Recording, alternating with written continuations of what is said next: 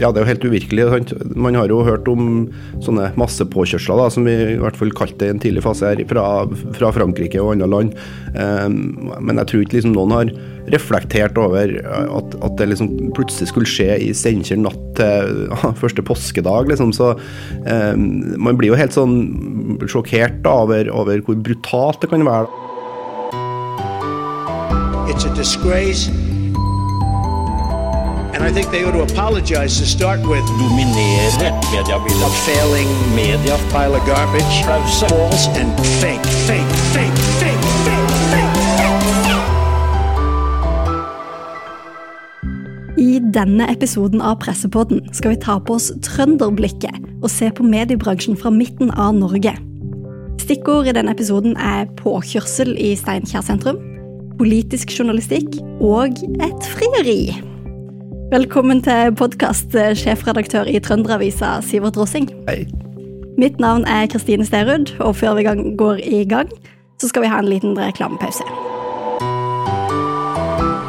Markedsførere og kommunikasjonsfolk, bli med på årets bærekraftskonferanse Greencamp. Sammen med Jenny Skavlan vil du få en fullspekket dag med tolv foredrag to workshops, debatt og litt festivalstemning med digg mat og underholdning fra Siri og de gode hjelperne. Sivert vårt Rossing, vi skal starte med en sak som egentlig ikke er så veldig hyggelig her i Presspodden. Fordi natt til første påskedag så er det en mann som setter seg inn i en bil og kjører på tilfeldige personer i Steinkjer sentrum. En person dør av de skadene han får, og når denne podkastepisoden spilles inn, så er mannen som kjørte, sikta for forsettlig drap og to drapsforsøk. Hendelsen fikk nasjonal oppmerksomhet, man var redd for om det var terror, var det med vilje, hva, hva er det som har skjedd? Og det skjedde i kan man kalle det liksom sentrum av Trønderavisas eh, nedslagsfelt. Åssen var det første døgnet her for, eh, for det og for din redaksjon? Det var et veldig vanskelig døgn. For det første så er det jo en tung og vanskelig sak å jobbe med. Det vil det jo alltid være når det er alvorlige hendelser. Men for oss var det vanskelig fordi eh, vi rett og slett var forholdsvis uforberedt på det. Eh, jeg vil jo mene at vi i hvert fall 360 av dagene i året er, forholdsvis godt rusta for både mellomstore og store hendelser. og de aller største hendelsene så trykker man jo på den store knappen og, og liksom samler hele redaksjonen og, og dekker. Men, gjorde dere det nå? Ja, vi gjorde jo det. Men problemet var jo at det her er jo en av de dagene hvor absolutt alle rett og slett fysisk er bortreist. Eh, så vi, vi hadde noen utfordringer fra starten med å få tak i nok folk. da, rett og slett. Vi, både for min egen del og, og liksom, eh, redaksjonsledelsen og egentlig alle reportere som hadde tilhold i Steinkjer, de var rett og slett bortreist, alle sammen. Eh, så det, det, var noen timer på starten på, på søndag formiddag der hvor vi rett og slett kom ganske sånn skjevt ut av av startblokka. da, og Så må det jo også legges til at opptil flere av konkurrentene hadde jo faktisk folk som var ute på byen i Steinkjer den den eh, natta, inkludert TV 2, faktisk, som hadde en person som, som var da ute i privat ærend. Eh, og da har du jo eh, forholdsvis dårlige forutsetninger for å konkurrere da, når du, når du sjøl ikke er fysisk til stede. og det, det, føles jo helt grusomt selvsagt, at midt i vårt kjerne, kjerneområde så, så har ikke vært til stede under liksom selve hendelsen, og, og, for dårlig til stede på starten. Da. Men jeg mener jo at vi har kommet ganske Eh, gått etter. Eh, og i liksom fase to, hvor man driver med litt den oppfølgende journalistikken, så, så syns jeg vi har gjort det ganske bra, da. Det har kommet, kommet med i, i eh, nyhetsløpet etter hvert? Ja, jeg syns absolutt det. Og det er klart det er jo en sak som vil være med oss lenge. Men vi har noen diskusjoner internt nå om um, hvor godt rusta er vi hvis liksom det skulle skje noe på, um, på de tidspunktene av året hvor vi er dårligst rusta. Ja, hva skal du gjøre med det? Det handler jo litt om å bare gå opp, eh, gå opp rutinene og, og, være sikker på at for det første du har nok grunnbemanning, og for det andre at du eh, har eh, kontroll på hvor er det folk, eh, folk, befinner seg, og hvem er det du kan få tak i. Og så eh, tror jeg jo ikke vi kan ha ambisjoner om at vi skal ha eh, liksom tre mann på jobb hele tida. Men nattbemanning f.eks. er jo et tema som har vært med, vært med oss lenge, og det, det, jobber vi jo med i samarbeid med andre redaksjoner om. og i det minste ha en person en eller annen plass da, som, som følger med, og som er i stand til å vekke folk og sende ut og osv. Ha, ha en slags bakvakt, rett og slett? Ja. Men åssen er det altså, Det er jo det er jo en dramatisk eh, hendelse, både nasjonalt, men spesielt fordi altså folk jeg prater med, er sånn 'Å, jeg har bodd i det bygget der som er liksom to kvartaler unna der det skjedde'. Altså, Når man først har en tilhørighet til dette stedet, så blir du ekstra nærme. Ja, det er jo helt uvirkelig. Sant? Man har jo hørt om sånne massepåkjørsler, da, som vi i hvert fall kalte det i en tidlig fase her, fra, fra Frankrike og andre land. Um, men jeg tror ikke liksom noen har reflektert over at, at, det liksom plutselig skulle skje i Steinkjer natt til første påskedag. Liksom. Så um, man blir jo helt sånn sjokkert da, over, over, hvor brutalt det kan være. da, og, og det gjør virkelig inntrykk. altså hvor, Det var jo forholdsvis mange vitner her som har, som har rett og slett sett det. og, og vært der i, i de dramatiske øyeblikkene når det skjedde og etterpå. Det, det, det, blir jo, det gjør virkelig inntrykk for journalistene å jobbe med det her. altså. Hvordan bearbeider dere det i redaksjonen i ettertid? Vi, vi, snakker jo alltid om at vi skal liksom være så gode på å ha rutiner på det. Um, men jeg, jeg, jeg, er ikke sikker på om vi har gode nok rutiner på det. Jeg tror første bud er å snakke om det. da. Uh, særlig på folk som har, som har, kort erfaring. Det prøver vi å være ganske sånn typ den dagen de har vært ute på noe, så, så setter du deg ned med vedkommende allerede når man er ganske fersk, da, og bare snakker liksom, øh, hvordan var det her, og spør litt, og så liksom, si det helt åpenbare om at liksom, hvis du føler behov for å snakke mer om det, hvis du føler behov for noe oppfølging, og sånn, så, så gjør vi selvsagt det. Um, så kan det nok tenkes at de som er litt mer erfaren, uh, ikke får like god oppfølging, men så de, har de kanskje ikke så behov for det heller. Det, jeg vet ikke, altså. Det er mulig at vi, mulig at vi burde ha vært mye bedre på det her òg. Det, det må vi i så fall bare bli, da. Det er jo et læringspunkt, dette også. Ja, for det er jo forholdsvis sjelden at det skjer så store ting som er så Det skjer jo noen trafikkulykker osv., men det har jo sjelden at det er så mye vitner til selve hendelsen og til det, til det uh, tida etterpå. Altså Her skjer jo liksom midt i en, i en, by hvor det er forholdsvis mange mennesker. Og da er det jo ofte ganske sterkt å snakke med de vitnene. Um, når du er på en trafikkulykke, så, så, kan jo inntrykkene på stedet være sterkt, men kildene du da møter, er jo ofte liksom politi og osv. Det, det blir jo blir liksom, blir en helt annen skala på det her da, som, som skjedde nå. Man merker veldig forskjell på de der profesjonelle kildene kontra de som tilfeldigvis var der og kanskje kjente noen som kjente noen. Og så. Ja, og det stiller jo ganske mye krav til liksom, presseetikken når du skal snakke med de folkene her. da. De var jo, jeg skal ikke jeg på en måte være sikker på det, men jeg vil jo anta at mange av dem òg var berusa. Eh, så nå var jo ikke vi til stede, på stedet mens det skjedde og etterpå, men, men vi har jo snakka med veldig mange av dem etterpå. og Det er klart at eh, det er jo folk som har liksom sett og opplevd tøffe ting. Det her da, og det stiller jo noen krav til hvordan du, hvordan du angriper det som journalist òg. Det kan jo være ganske ubehagelig å jobbe med sånne saker òg. Og kanskje spesielt hvis man følte at man kom litt seint ut fra start? da. Ja, altså Man må i hvert fall ikke tenke at man skal kompensere det med å liksom være helt sånn torpedo da, og bare kaste seg over ethvert uh, vitne som kommer ut fra sørgestunden, eller uh, hva det nå er. for da. Altså, man, må jo, man må jo holde på liksom, folkeskikken, uh, sjøl om selv om jeg tror hele redaksjonen følte på at vi var litt for dårlige på starten, så prøver vi å være litt sånn bevisst på det, da. Ikke gi slipp på, på varsomheten. ja. Men, men, som du sa, dette er jo stor nasjonal hendelse. Hvordan var det å ha si, besøk av de store nasjonale mediene i tillegg til den jobben man skulle gjøre sjøl? Blir jo, eh, Man blir jo veldig skjerpa av det. for det er klart, man, man, jobber jo egentlig på samme måte. Man går jo opp til samme sporene, men, men du får jo plutselig mange flere konkurrenter som òg er mye mer drilla på å gjøre det raskt. Eh, vi, jo, vi, trodde jo at vi hadde ganske god kontroll på det her sporet med, med tidligere eh, dommer og domshistorikk på, på, vedkommende som har gjort det her. Da. Den saken like før vi skulle publisere den, så kjørte jo på en måte VG ut det samme, og det var enda et mediehus tror jeg, som var, eh, som var før oss med det. da. Eh, så du blir jo litt sånn Du føler jo liksom på et nyhetstrykk som du ikke kjenner på til vanlig, da, sjølsagt. Men når dere da dekker en, en sånn sak som får så, så nasjonal eh, oppmerksomhet, hva gjør det med de måtene dere jobber på sjøl? Jeg tror jo vi jeg tror jo det handler om at du blir skjerpa, og at du, at du um, etterpå setter deg ned og, og, går enda en runde med liksom den slags playbooken du har da, på, på store hendelser. Eh, hva er det du må gjøre når, og hvem er det skal gjøre det? Og, og er du sikker på at du har rigga deg med, med, nok journalister og riktige journalister, sånn at du får det til raskt nok? For det er jo det det alltid handler om. Eh, man, man, blir jo veldig sånn skjerpa konkurransemessig, og, og, du kan jo ha gode spor som du liksom når du ikke blir først med dem, så, er, så, så har du liksom tapt det litt likevel. Så jeg tror jo Ehm, jeg tror jo det, det, er sunt for en redaksjon å ha en stor hendelse med, med besøk av mange andre medier innimellom, for da får du jo, da får du jo sjekka da, om du er godt nok rusta eller ikke det neste gang det skjer. Um, og så vil du neste gang antagelig ikke være i den størrelsesordenen, uh, men det er jo likevel god trening. Eller, ja. Vi har jo konkurranse innad i Trøndelag òg, men det er jo sjelden at den konkurransen At vi da liksom sitter og tenker Wow, her ble vi slått, liksom. Men det, det, må vi innrømme at vi gjorde i tidlig fase på, i påska. da. Jeg sa jo at dette, denne podkastepisoden skulle jo handle litt om det her trønderblikket. Hvis man skal ta for seg Trønderavisa, da. Der er jo den største avisen i Nord-Trøndelag. Eh, og du er jo administrerende direktør for flere lokalaviser i, i det samme gamle fylket. Eller styreleder, ja. Styreleder heter det.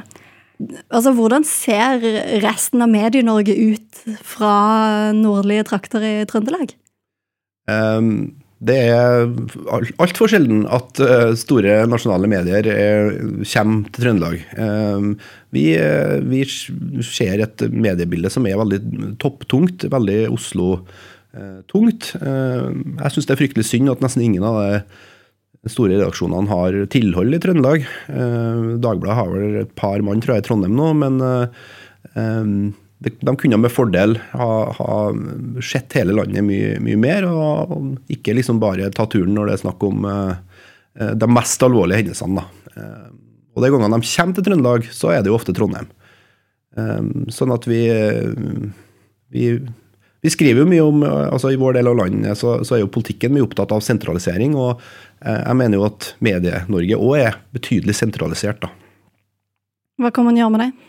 Nei, Det enkleste er jo at store redaksjoner begynner å, å, å spørre seg om hvordan man er, hvordan man er rigga for å forstå da, og lage stoff hele, fra hele landet. og Da tror jeg man må mer ut av Ring 3. Jeg tror man må med fordel ha fast tilhold og, og egne folk i, i landsdelene. Eh, VG og Aftenposten og TV 2 og NRK eh, burde ha hatt egne eh, nasjonale reportere i alle landsdeler. Har, eh, NRK har jo, har jo, på en måte sine distriktskontor, mm. eh, men det oppfatter vi blir eh, vi oppfatter på en måte litt at de må stå liksom og banke på døra i, inn til hovedredaksjonen på eh, Marienlyst. Men gjør det nå, da? Altså, Vil du ha liksom konkurranse fra VG, Dagbladet, Aftenposten på gata i Steinkjer? Eh, ja, vi vil jo det. Det er jo flere innganger på det her, men det er klart vi, vi som driver med, med, medier, vi gjør det jo fordi vi mener at mediene spiller en rolle i utviklinga av samfunnet. Det er jo ikke alt liksom som handler om ren medieøkonomi, for konkurranse kan jo føre til at du eh, på en måte taper en sak, men, men, vi driver jo med det her fordi vi vil noe med samfunnet. Og da syns jeg jo med fordel at uh, vi kunne ha brukt mer tid på problemstillinger som er viktig ut i landet. da. Uh, og ikke bare liksom eh, at det kommer to centimeter snø i Oslo. det betyr mye for de som bor i Oslo når den snøen kommer, bare sånn for å forsvare Ja, jeg har bodd i Oslo i flere år sjøl, og jeg skjønner det veldig godt. Men det, det går an at flere ting er viktig samtidig, da. Markedsførere og kommunikasjonsfolk. Har du ikke billett til årets bærekraftskonferanse Green Camp? Sikre deg billett på greencamp.no. Tror du det er liksom andre Dette er litt sånn her åpent, eh, litt sånn wishy-washy spørsmål, men du får tolke det litt som du vil, holdt jeg på å si. Altså, tror du det at dere gjør andre medievalg enn det de store nasjonale mediene gjør? Og i så fall på hvilken måte da? Ja, det første jeg tenker på når du spør om det, er jo, er jo liksom rundt identifisering og sånne ting. Jeg tror man, man, har andre kulturer. Jeg tror Alle redaksjoner har ulike kulturer, men jeg tror man har andre kulturer jo mer lokal man er. fordi at man er litt sånn avhengig av at man skal møte de samme kildene på butikken dagen eh, etter. da. Eh, det er jo mange eksempler i det siste på at identifisering har blitt ganske Jeg tror alltid det har vært viktig, men de siste årene har det vært ganske mange hendelser og, og saker hvor vi har, snakka ekstra mye om identifisering. da, og Der er det jo åpenbart litt ulike innganger og ulike kulturer i, i redaksjonene. Hvor man gjør andre valg på andre ting. det da tror jeg nesten du må spørre mer spesifikt. ja, men, men, det, men, dette er fint, for det, dette bringer oss egentlig over på en sak som jeg hadde veldig lyst til til å snakke om. Nettopp dette med identifisering. Eh, for dere har jo jobba over lengre tid eh, med en sak eh, der en lege i Trøndelag nå er, I starten når dere skrev om det, så var han vel ikke sikta, men nå er han sikta for overgrep mot flere pasienter. Ja. Hva kan du altså, fortelle om den saken der? Ja, første bud er å spørre hvilket identifiseringsnivå dere har på denne saken. For jeg har jo lært meg det, jeg har jo blitt intervjua om det her før og, og lært meg at det er såpass mye ulike grader av identifisering her at man skal være litt forsiktig med om man f.eks. sier hvilken kommune det er.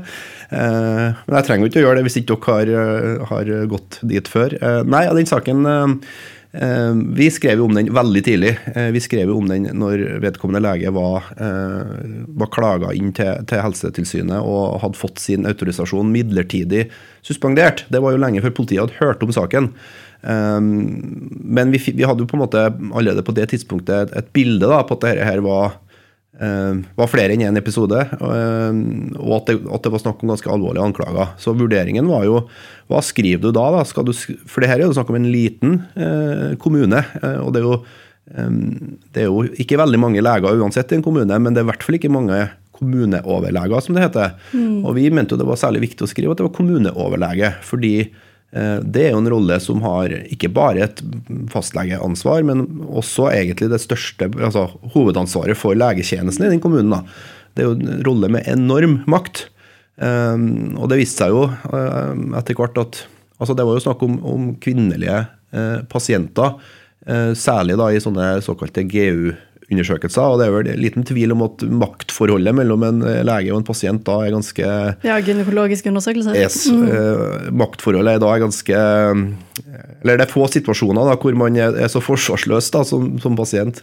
Um, men det vurderingene vi gjør på starten, det var jo altså Man må jo, man må jo veie det tradisjonelle. sant? Det, eh, koster jo noe for noen å bli identifisert i, i avisa, og man, man har jo et eh, ansvar for å, for å ta for gitt at man ikke er skyldig i noe før det er bevist, og at Eh, og at identifisering kan være en enorm belastning for både vedkommende og for personer rundt. da. Så vi, vi jobba veldig mye med den, men, på, men i den første saken så skrev vi da en kommuneoverlege fra en mindre nordtrøndersk kommune, tror jeg vi formulerte.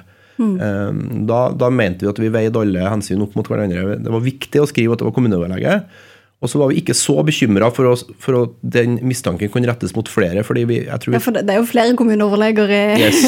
Men jeg tror vi tar opp en åtte-ti, eh, som da på en måte er, er i en mindre nordtrøndersk kommune. da. Eh, og at det var, eh, det var til å Men er det ikke nettopp Nå kan en tenke seg å misforstå det, men er det ikke nettopp det som Det at det er så få, da, som gjør at det er ekstra, ekstra mm, Hvis det er liksom ti stykker det er snakk om, da, og det er én av de som har gjort det, Ja. så er det jo mye lettere å identifisere de ni som kan være, eller som Altså, det er jo en større mistanke der fordi det er så konkret. Det var en større mistanke, men vi vurderte, altså hvis det var tre, så hadde vi ikke kunnet gjort det sånn, men vi vurderte som at det var mange nok da, til at man kunne, til at man kunne eh, legge seg på det nivået. da. Men det er helt, eh, helt klart et eh, relevant argument for å gå snevrere inn i identifiseringa, at, at mistanken kan falle på andre. da.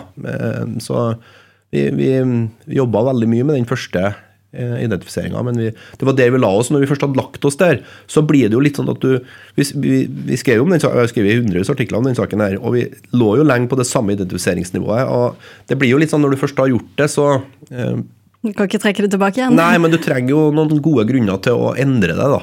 Ehm, Så vi gjorde jo det vet, i, i slutten av januar eller starten av februar i år. Så, så snevra vi inn det da, til at vi skrev navnet på kommunen. Ehm, Og det, Da hadde jo saken utvikla seg. Da, da hadde det jo blitt politisak, og det var snakk om eh, svært mange fornærma. Og det var også kommet fram ganske eh, detaljerte eh, informasjoner om, om hva politiet har å bevise. Og I tillegg så hadde kommunen sjøl holdt en pressekonferanse og fortalt om eh, sånn og slik, og, og det begynte å bli eh, åpenbart at vi må ettergå eh, kommunen. Hva er det liksom kommunen har eh, visst og gjort? For det her er jo en sak som viste seg å strekke tilbake helt til, til 2004 eller 2005, eller hva det er for noe. Eh, hvor kommunen hele veien har vært en eh, arbeidsgiver og helt åpenbart kunne ha, ha tatt tak i saken. da.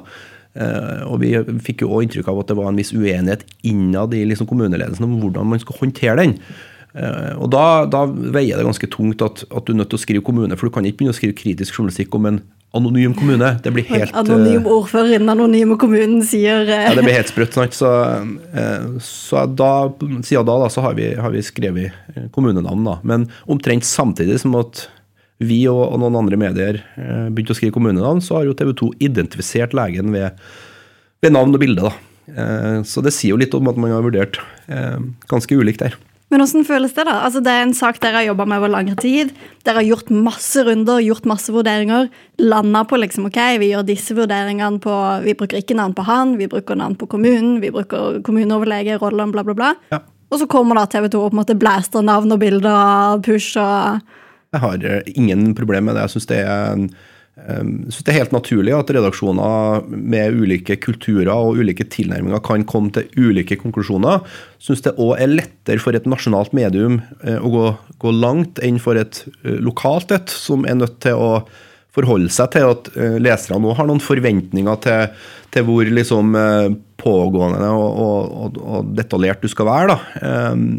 Og så tror jo jeg òg at det kan godt, godt hende at vi òg på et tidspunkt eh, kommer dit, da. Eh, jeg har ikke noe, har ikke noen Det er ingen på en måte eh, sider av TV 2 sine vurderinger jeg er sånn brutalt uenig i heller. Jeg syns de har gjort en grundig og god jobb og, og kommet til, til en velbegrunna konklusjon. Så um, jeg tror det egentlig bare viser at, at, det er ikke noen fasit på identifisering. Men um, jo mer man jobber med en sak, og grundigere og mer oversikt du har, jo bedre forutsetning har du jo for å gjøre en, en riktig, eh, riktig konklusjon for, for, ditt mediehus. da.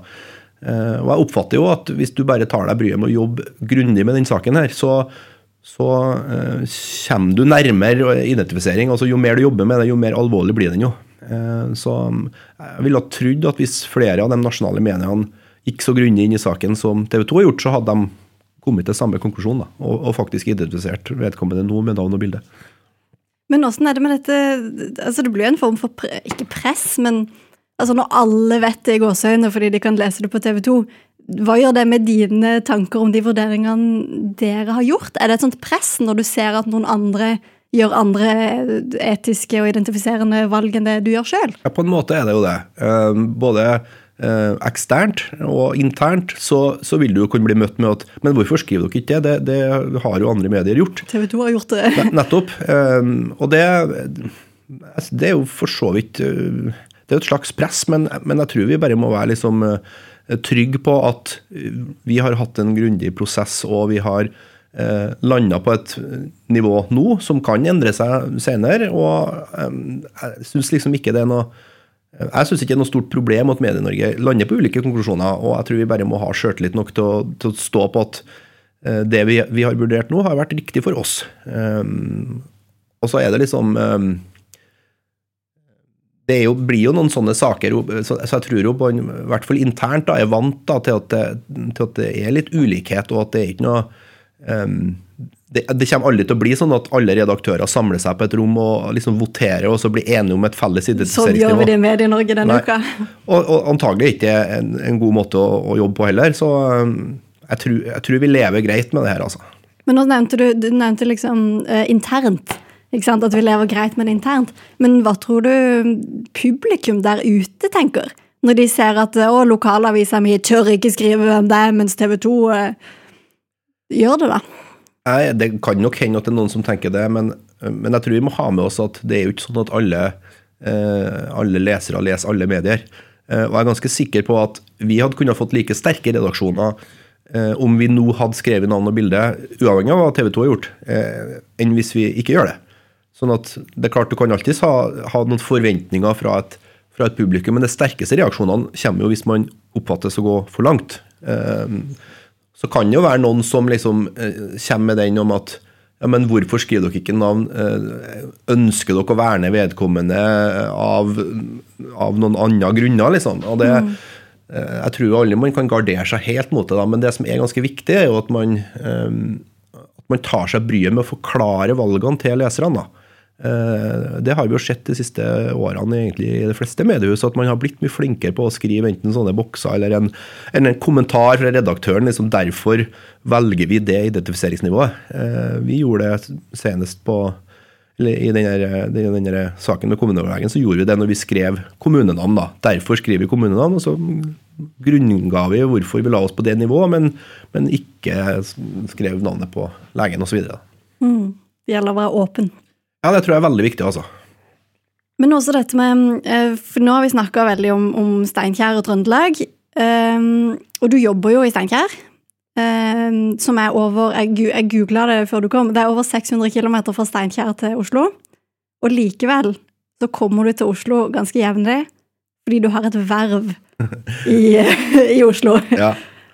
Eh, ja, Det er jo ikke bare derfor jeg kommer til, til Oslo, da. det er jo ofte en kombinasjon. Jeg prøver jo å være Men jeg er jo veldig engasjert i politisk journalistikk. Jeg er jo gammel politisk journalist. Jeg har jo jobba på Stortinget i flere år, både for Trønderøysa faktisk, men også for Nasjonen. Eh, har en litt sånn forkjærlighet for eh, um, at vi eh, journalister har en, en stor og viktig rolle i å forme demokratiet. Eh, er litt sånn superpolitisk nerd som har liksom sett hele West Wing ti ganger. Og, um, og sitter opp om natta og ser amerikanske valg og hele pakken. da, um, Og mener jo at vi uh, vi må, vi må jo liksom lage gode institusjoner for at politisk journalistikk skal være, eh, skal være velfungerende i Norge. Og da er jo Stortingets presselosje eh, en mekanisme da, for at vi har, eh, har god tilgang på politikere og demokratiet. Eh, Vi har jo vært litt rundt om i både Sverige og Danmark og sett hvordan man organiserer det der. Og det er jo ingen selvfølge at den åpenheten man har i Norge, eh, hvor du eh, ja, Du kan ikke gå inn på kontoret til stortingsrepresentant, det blir oppfatta som ugreit, men du kan i hvert fall gå og banke på døra. Um, det, det hadde jo ikke vært umulig at Stortinget hadde bestemt at journalister bare får komme inn i stortingssalen og vandrehallen, og that's it. Men vi har en, en fin åpenhetskultur, og en av forutsetningene for at det skal lykkes, er jo at vi, vi som fra, fra pressesida um, er med å lage eh, liksom mekanismer som blir eh, som oppleves greit for det folkevalgte og, for Stortinget også. Da. Eh, Blant annet at vi eh, rett og slett har en liste over, over adgangskort på, på Stortinget som vi, som vi gjennomgår og ja, følger opp redaksjonene. Hvem er det egentlig som har behov for det kortet osv. Så jeg kasserer i Stortingets presselosje, og hver, hvert år så går jeg gjennom hele medlemslista og, og spør redaksjonene da, trenger vedkommende å være medlem eller ikke. da, og Det er jo litt uh, Hva svarer de da? ja, altså, de, de, de svarer jo greit. da, de, de journalistene som ikke lenger jobber med politikk, de kan meldes ut. liksom. Det er jo helt fint. Um, men det er klart, det er jo litt ekstraarbeid å sitte med det her, da. så... uh, Men jeg syns det er viktig at noen liksom Litt sånn dugnadsarbeid for at vi skal legge til rette for god politisk journalistikk i Norge, da. Hvordan, hvordan hjelper det deg holdt på å si, jobben du har eh, i Trøndelag? Nei, vi, ja, vi som alle har behov for å, for å ha kontakt med, med Stortinget og for å drive kritisk journalistikk på liksom, våre politikere og på, på hvorvidt eh, liksom, regjering og sånn eh, satser nok på Trøndelag, for å si det sånn. Da. Så jeg, jeg syns jo det er veldig verdifullt å holde en, holde en link inn mot uh, rikspolitikken og, og Stortinget, uh, sjøl om jeg stort sett jobber i Trøndelag. så Eh, og det er jo en av tingene jeg, jeg kunne tenkt meg litt tilbake til det vi sa om at, uh, at liksom Medie-Norge er litt topptungt. da, At man har klart å, å koble på liksom alle redaksjonene rundt om i landet litt tettere på å hjelpe dem og litt mer inn i, um, inn i, i hvordan liksom Stortinget og den politiske årshjulet fungerer. Det, det tror jeg har vært nyttig. Det kan hende Presselosjen skal ta initiativ til å, å invitere på en måte dem som jobber med politikk rundt om i landet, da, til å bli litt bedre kjent og, og, og få litt bedre liksom, access til, til rikspolitikere. Gi de krasjkurs i Ja, kanskje det. Vi skal bevege oss litt sånn tilbake til, eh, til Trøndelag. Eh, For da har jeg litt lyst til å vise deg og spille litt lyd eh, på noe som skjedde på Hell. Ja, Det mistenker jeg at jeg vet hva er. Ja, det hadde vært litt foruroligende hvis du ikke husker dette. Vi prøver å spille litt lyd, så får du se om du kjenner det igjen.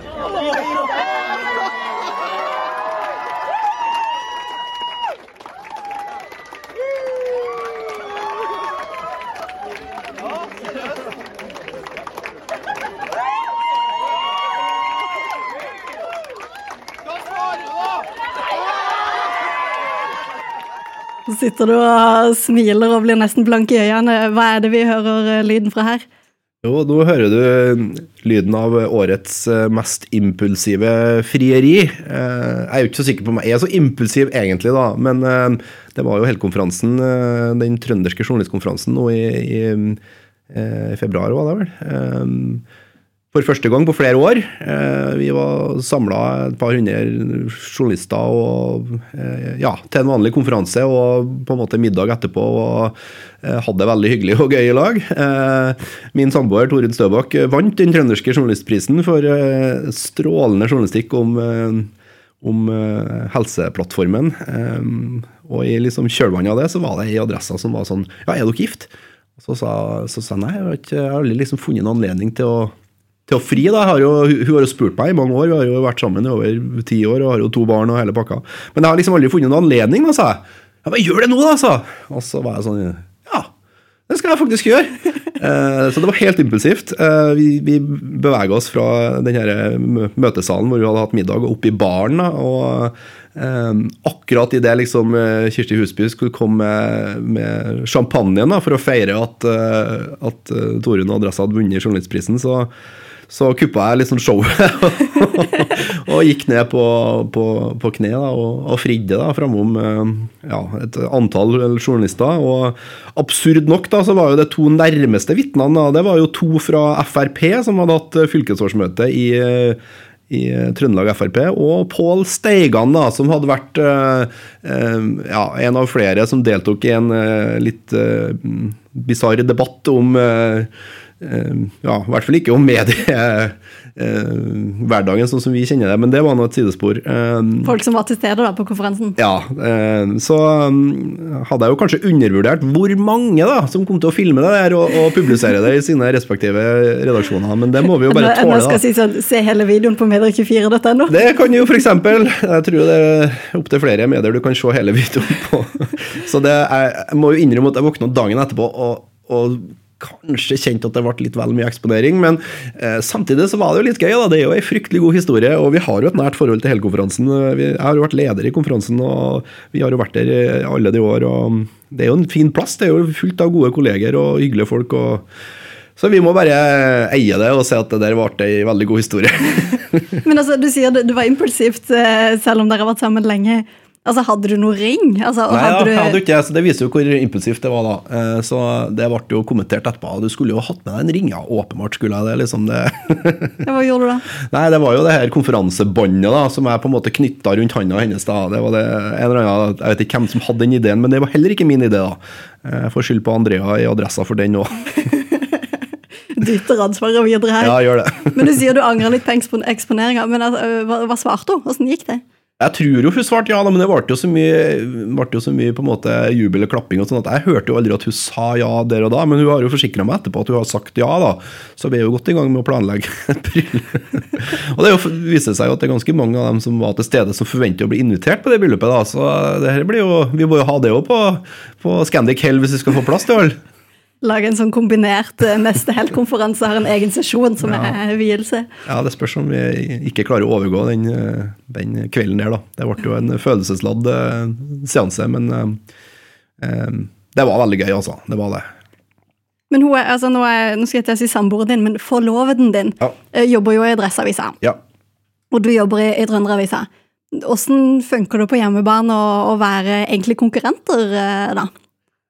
For oss funker det jo veldig bra. Vi, vi snakker jo åpent og greit om, eh, om ganske mye. Vi, vi, på en måte har jo en slags forståelse av at vi trekker en linje med, hvor, hvor, du jobber med liksom veldig sånn konkrete pågående nyhetstips, så, så sitter ikke vi og liksom eh, informerer altså, For det vil jo bli ganske ubehagelig for den andre hvis du hvis du hører om en, eh, en, veldig konkret sak som du kunne tenkt deg å skrive om. Eh, men de fleste tilfellene så er det jo ikke eh, Og det er litt ugreit å sitte og snakke om upublisert materiale? Ja, ja, ja, så klart. Så, men liksom at vi kan sitte og snakke om, om liksom den generelle trønderske journalistikken, det, det er jo helt Det syns vi jo går helt greit. Og så er det jo, jeg er jo på en måte ikke journalist, da, så jeg er jo ikke nødvendigvis inn i enkeltsaker på det nivået som, som hun er. Um, det, men vi er jo veldig like på mange vis og, utrolig engasjert i journalistikk begge to. og Vi har jo sagt nå i, egentlig i mange år at vi, vi, jo, eller vi kunne ha tenkt oss egentlig å jobbe sammen. For vi, vi tenker liksom litt likt og er jo engasjert i mye av det samme. Hvis dere skulle jobbe sammen, eh, hva slags saker i Trøndelag det dere hadde hatt fokus på da?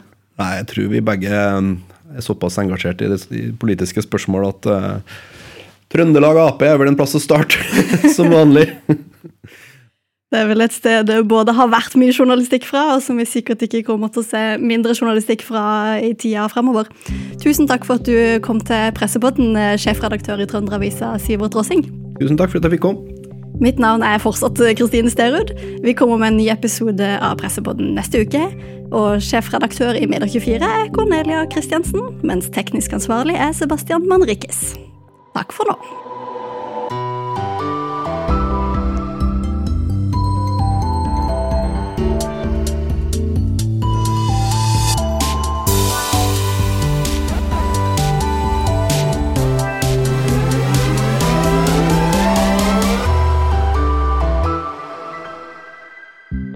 markedsførere og kommunikasjonsfolk.